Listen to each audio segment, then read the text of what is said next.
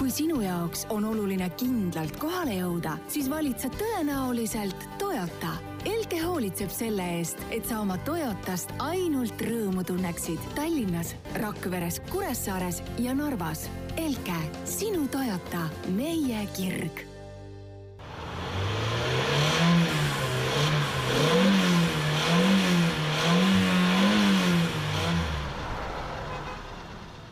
tere, armsad kuulajad, peale mõningaid pause ja viivitusi ja ärajäänud saateid oleme me taas eetris ja, ja oleme eetris äh, rõõmsamad kui kunagi varem.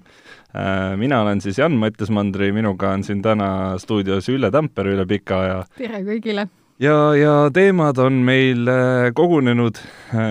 üle nüüd mitme nädala ja räägime Eesti kõige esimesest elektriautode ultrakiirlaadijast Äh, räägime natukene palmiõlist, äh, kütusest ja sellest, äh, milline on seal ka meil väga tuntud kütusefirma Neste roll.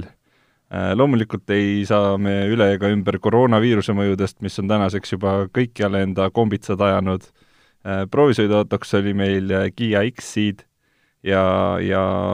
veel nipinurgas anname nõu, kuidas endale osta uut autot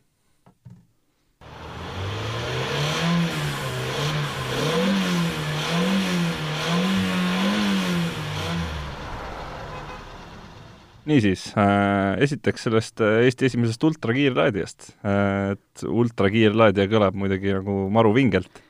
no ja, ja siis ma veel tahakski teada, et mis asi siis on super ja kas siis tulevad ka hüperkiirlaadijad, et ja, ja lõppude lõpuks ongi meil see, et kui meil nüüd on see ultrapiir on juba käes, siis tegelikult ega me ei saa ju, meil ei ole rohkem kuhugi tõusta, et on ikka, Ioniti kolmsada viiskümmend. ei no selles mõttes, et nagu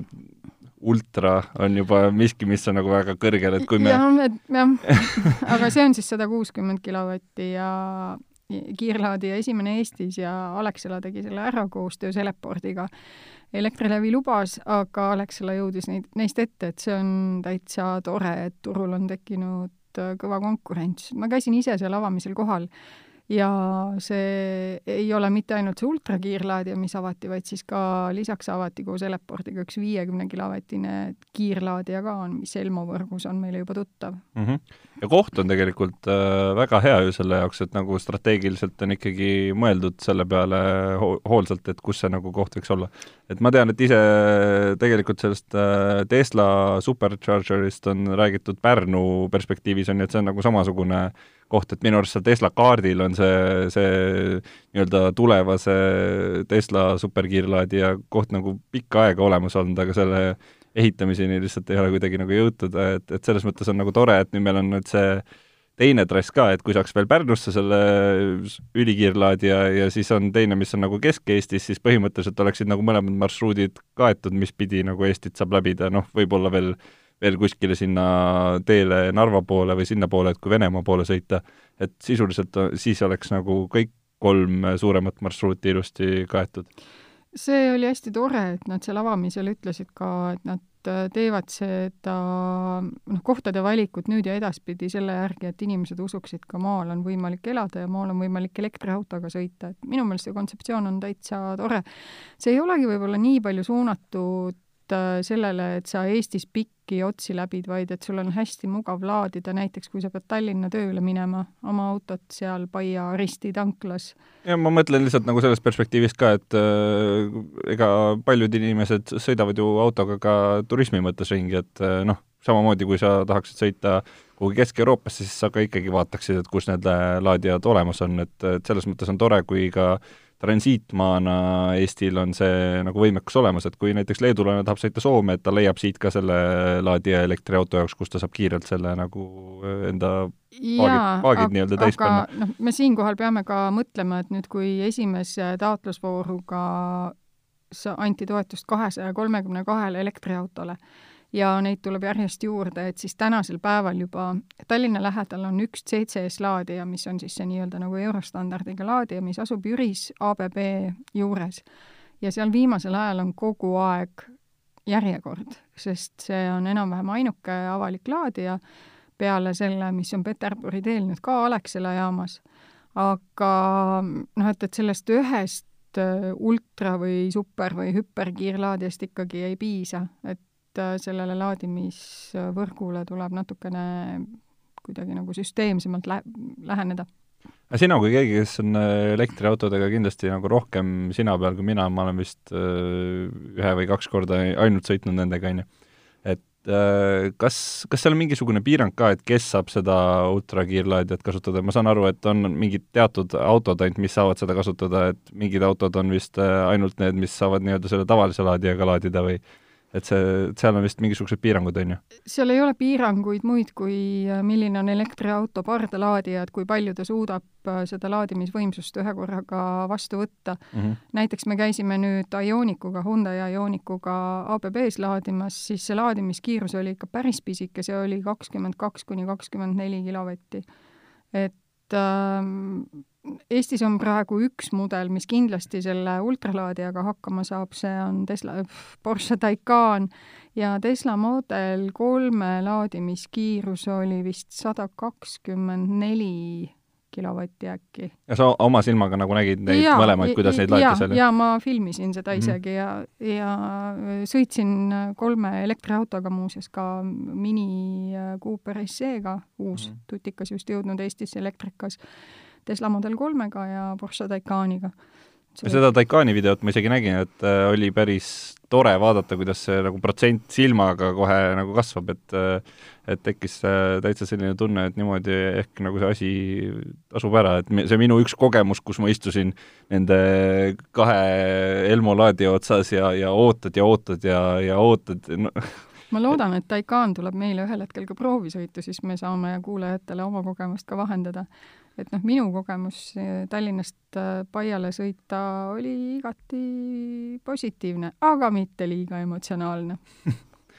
Aga, aga seniks, kuni meil veel äh, elektrimaailm areneb siin, siis äh, on meil selline kurb reaalsus, et palmiõli on, on see, mis kütusesse jõuab ja, ja sa kirjutasid ühe pikema loo, sina kui keskkonna teemal väga kirglik inimene ja ajakirjanik et äh, sa ilmselt oskad ka seda kõige paremini selgitada, et mis probleem siis äh, selle palmiõli ja Neste ja kõigi nende destillaatide ja mis selle kõige nagu sisu siis on? ma viskan lihtsalt nalja, et meil siseringis äh, juba käib jutt, et noh, et, et oma peatoimetaja koha ma varsti kaotan, sest et ma olen keskkonnaajakirjanikuks kätte ära läinud aga see on hästi vastuoluline lugu, ehk siis Neste Mai, äh, mis on nii-öelda sada protsenti jäätmetest toodetud Äh, biodiislikütus äh, valmistatakse mitte palmiõlist, vaid palmiõli jääkidest. ja see on selline Soome keskkonnakaitsjate väitel jokk-skeem. aga noh, minu jaoks on see vastuolu ikkagi väga suur, et äh, kui toodetakse palmiõli ja jäävad jäägid, midagi peab nendega ju tegema kosmeetikatööstus muidugi on siiani neid kasutanud ja Neste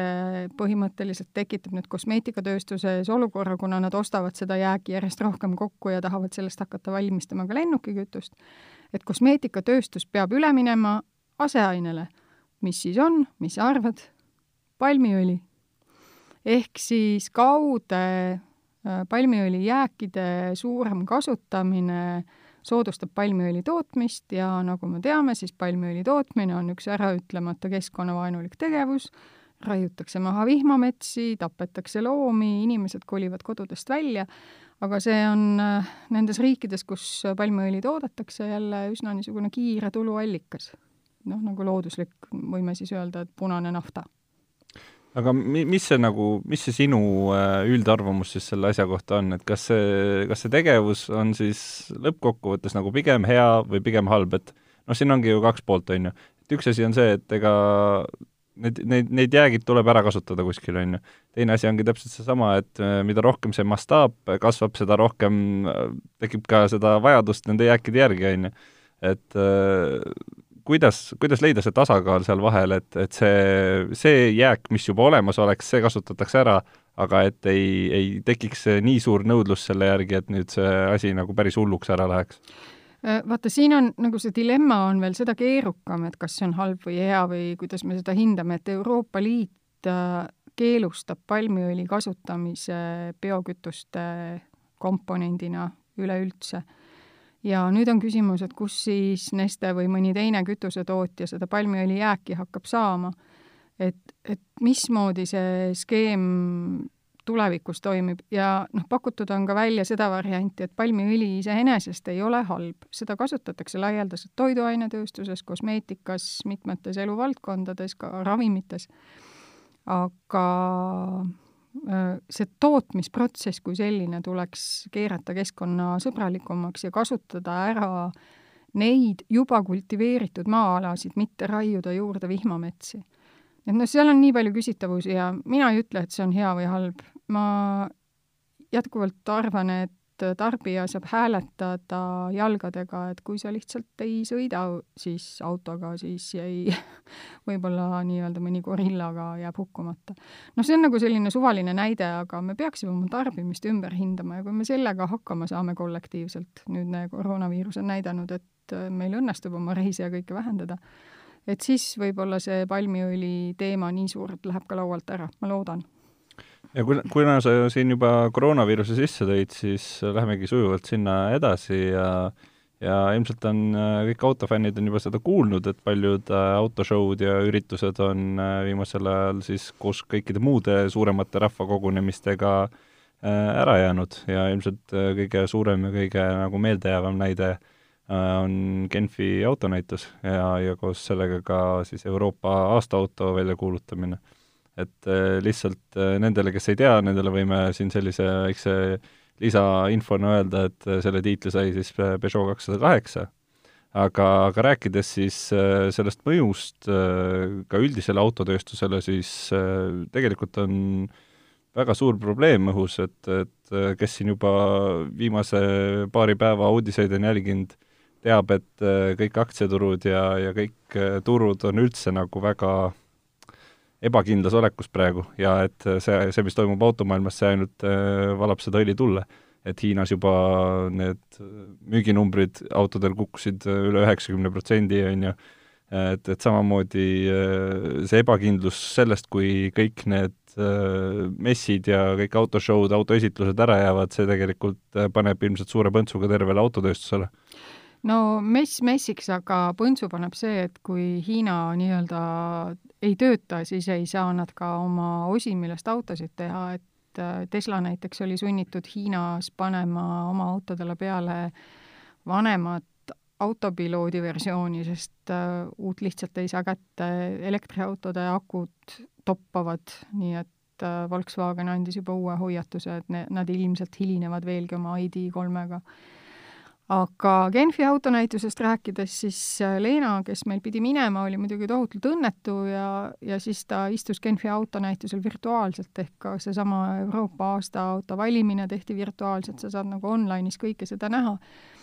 küsimus, et kui efektiivne selline moodus, et sul on, on kõik asjad üle interneti on, et äh, noh, palju kummituslennukeid lendas Genfi poole ja noh, tühja täiesti, eks ole, et et, äh,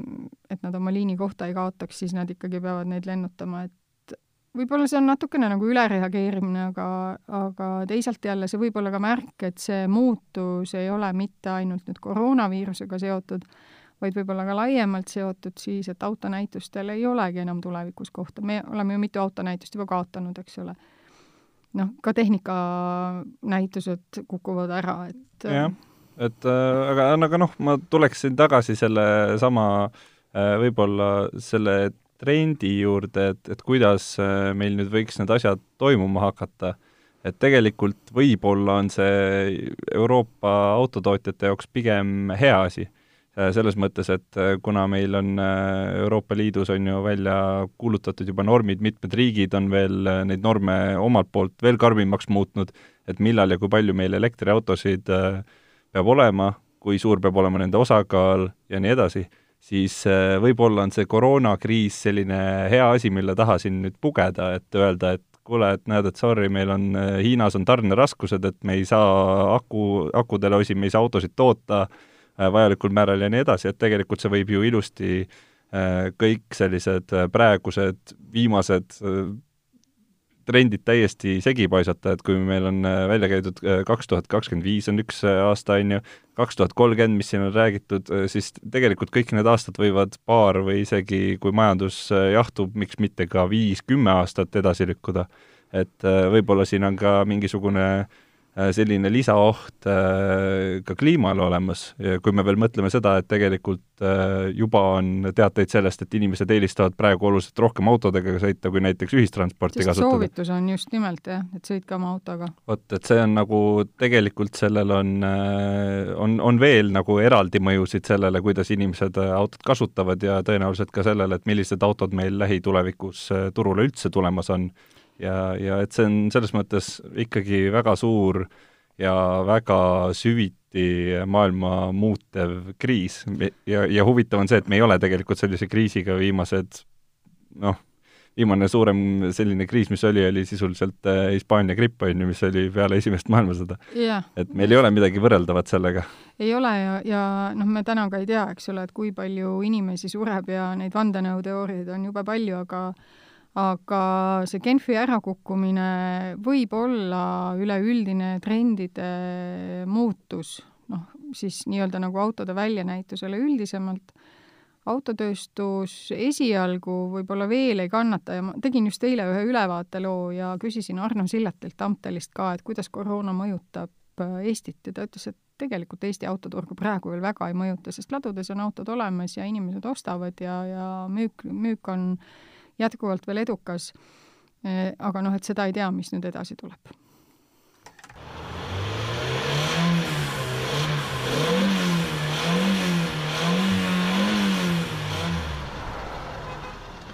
ja kuna autosid siin praegu ostetakse, siis äh, on täiesti paslik rääkida ka uuematest autodest, mis olemas on, et äh, meil oli siis seekord prooviks Kiia X-Ceed. et see on siis nagu Ceed, aga X on seal ees ma ütlen, esimene asi, kui ma seda autot nägin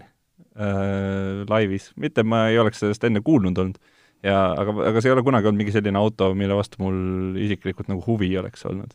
ja, ja mul tuli sellised äh, flashbackid äh, selle Škoda Kamikiga, et äh, äh võib-olla ma olen sellepärast äh, ka mingil määral selline äh, eelarvamustega, et äh, ma arvasingi, et see on midagi sarnast ja tegelikult võib-olla paljudes aspektides ka oli midagi sarnast, aga see ei ole, see ei ole kindlasti see autotüüp, mille fänn ma oleks. et jaa, aga sa muuseas äh,, olles kuulanud ka ettekannet Kiia X-Ceedi teemal, et kes on selle auto sihtrühm, siis sina oma me-, ligi kahemeetrise kasvuga ja, ja meesterahvana muuseas ei olegi selle esimene sihtrühm. kusjuures sellega mul ei olnud probleemi tegelikult, mul ei olnud mm. absoluutselt probleemi sinna mahtumisega, et äh, see oli ilmselt nagu kõige vähem probleemne asi selle juures. Äh, disain see on maitse asi, äh, aga ma arvan, et see on pigem nagu naistele suunatud disain, et meeldib. et see on niisugune ümar, nunnu, selline väga sõbralik. no samal ajal väga ruumikas muuseas, me tegime sellega pikema reisi Läti piirile ja tagasi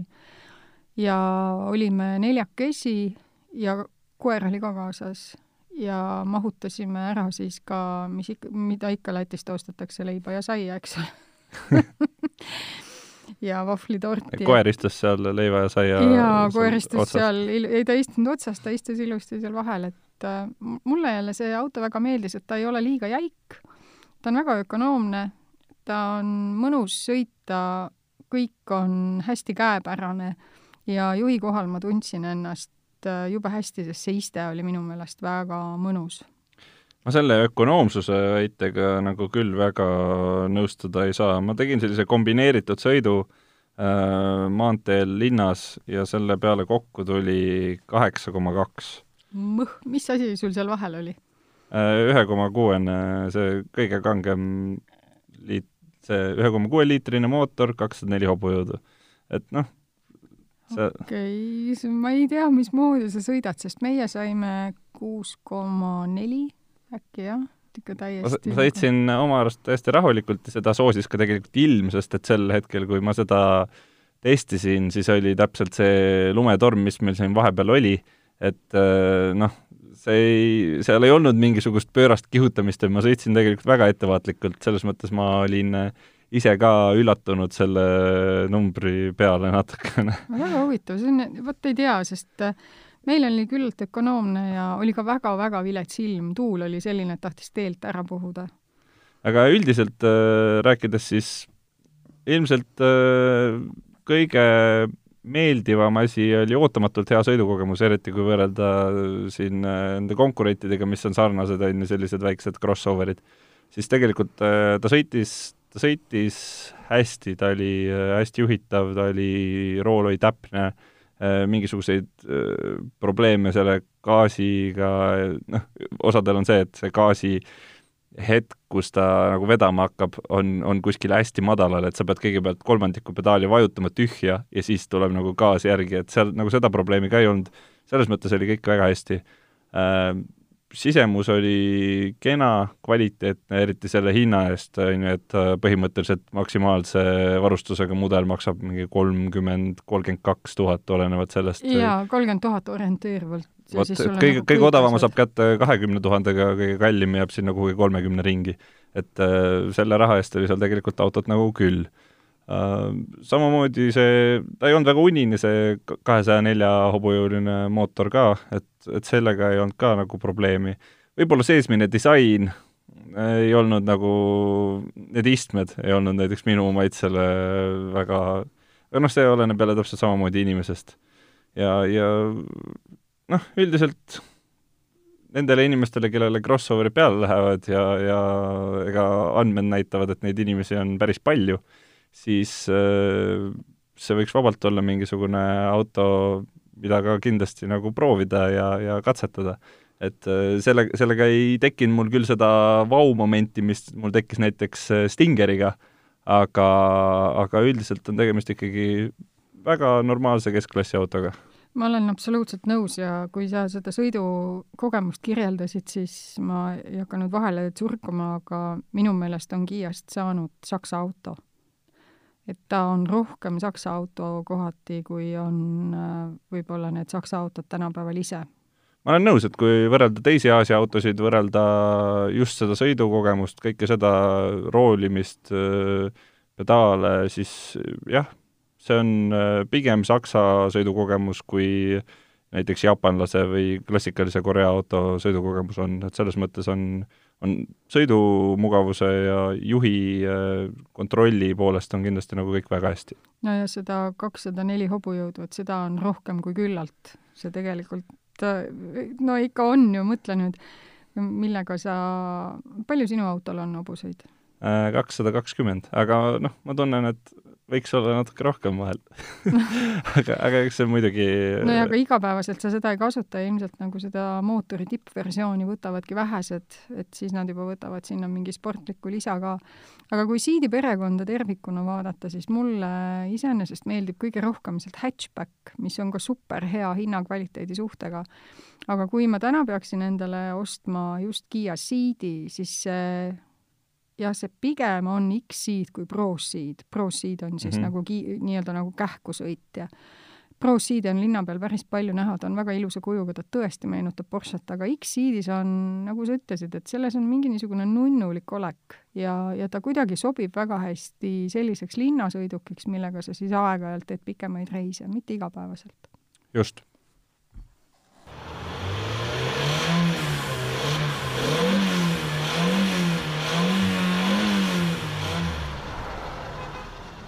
ja nüüd anname natuke uue auto ostmise soovitusi. mina tahan teada, kuidas sina oma uue auto ostsid ja siis ma räägin. ma ei ole uut ostsin. autot ostnud, aga ma olen olnud väga mitmete uute autode ostmise protsessi juures ja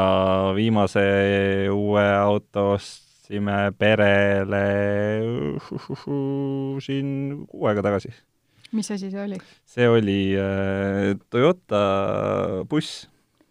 ahaa, milline Pro-Ace või? jah, Verso. aa, Verso, okei sinna mahub äh, kaheksa inimest. jah, point oligi selles, et äh, lihtsalt osta perekonna peale üks buss, et äh, kui on mingisugused, ma ei tea, ikka tuleb ette, noh, praegu ongi see, et näiteks pool perekonnast on sellega suusareisil.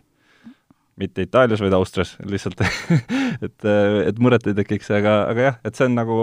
ikka läheb vaja ja bussidega on ju see ka, et bussidel üldiselt äh, turuväärtus väga ei lange, eriti kui sa nendega vähe sõidad, ongi see, et ma ei tea, poole aasta peale teed ühe mingisuguse paari tuhande kilomeetrise ringreisi sellega ja siis on nagu kõik hästi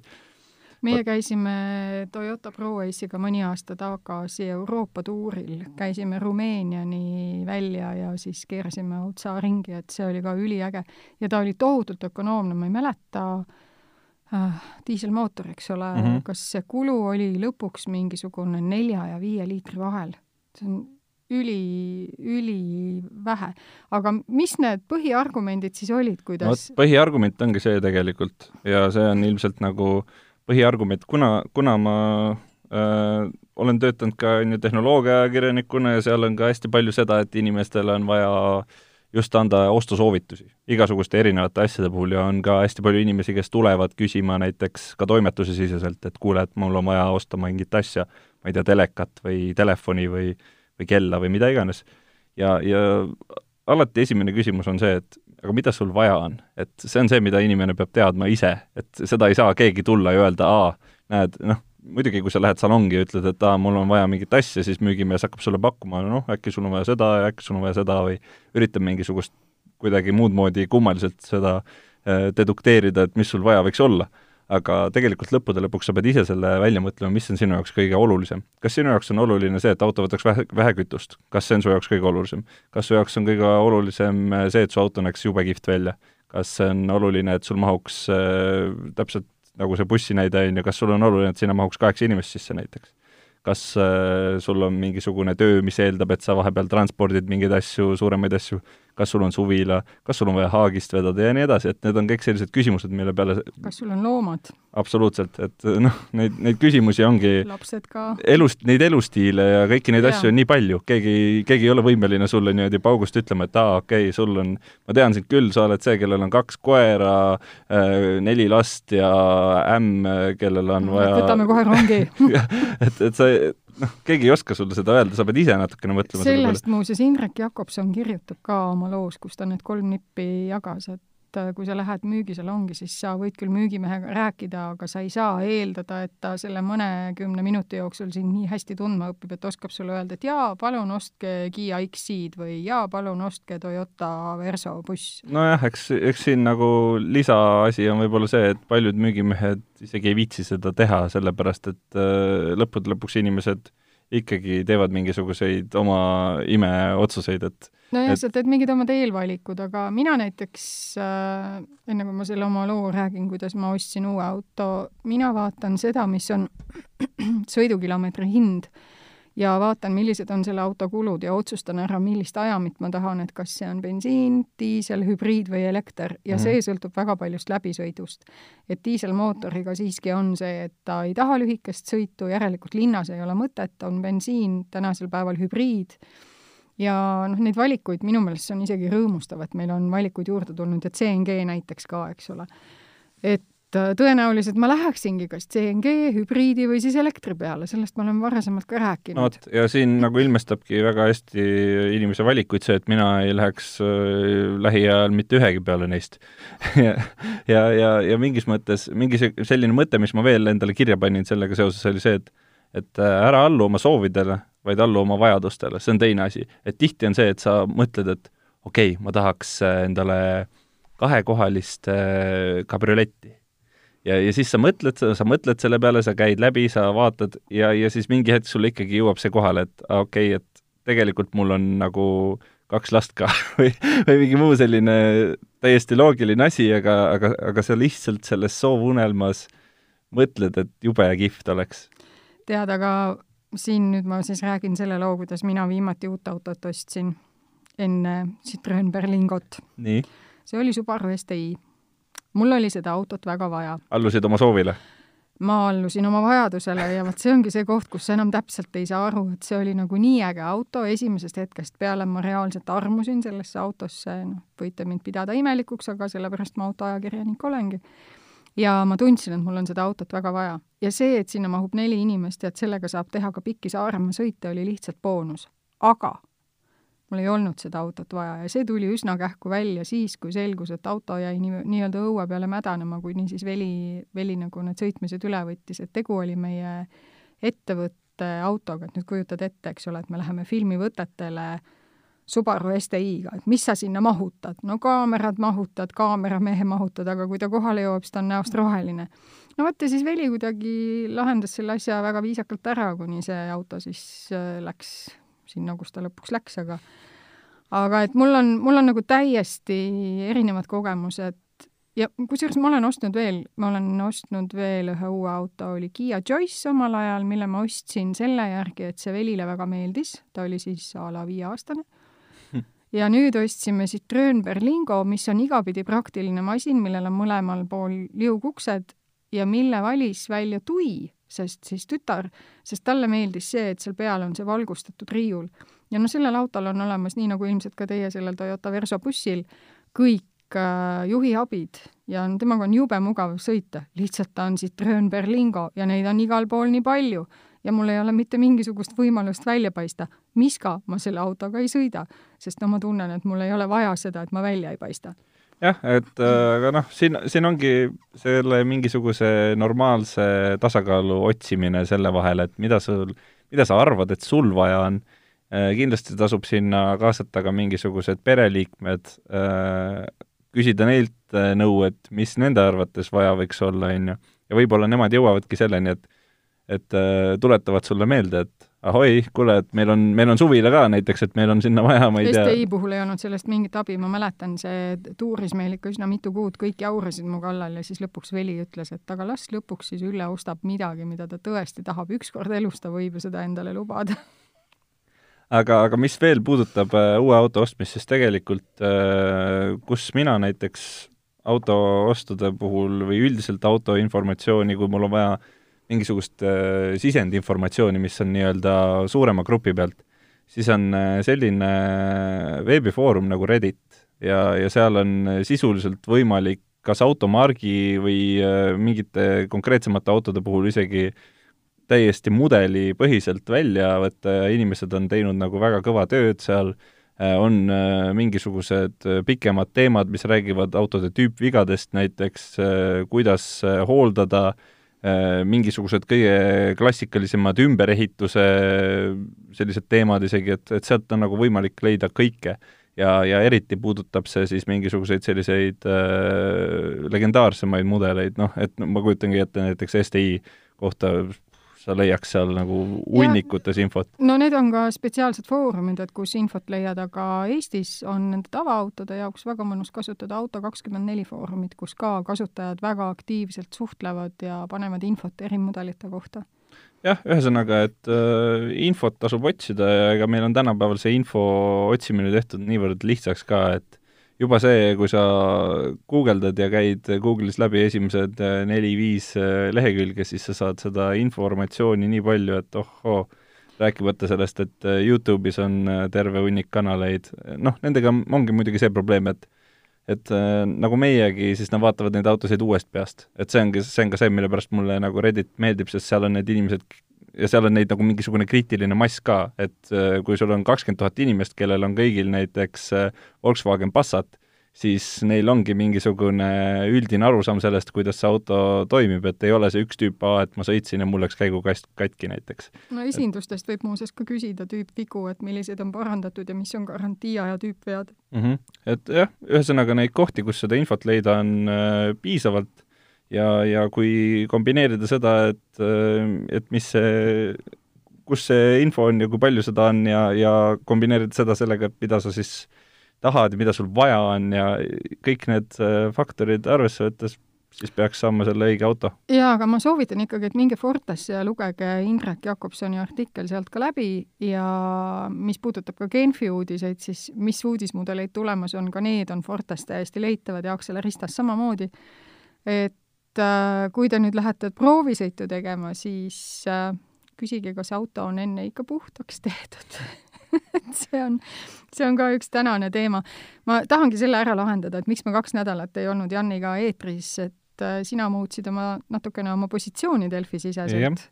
ja mina reaalselt olingi nohus ja silmapõletikus ja leidsin, et ma ei tule kodust välja, ravisin ennast terveks. tehke teie ka niiviisi, siis oleme terved. just, ja, ja vahepeal, kui teil on mingeid mõtteid äh, ka seoses uute autodega või sellega, mida võiks äh, saates käsitleda, siis äh, kirjutage meile julgelt ikka Facebooki ja, ja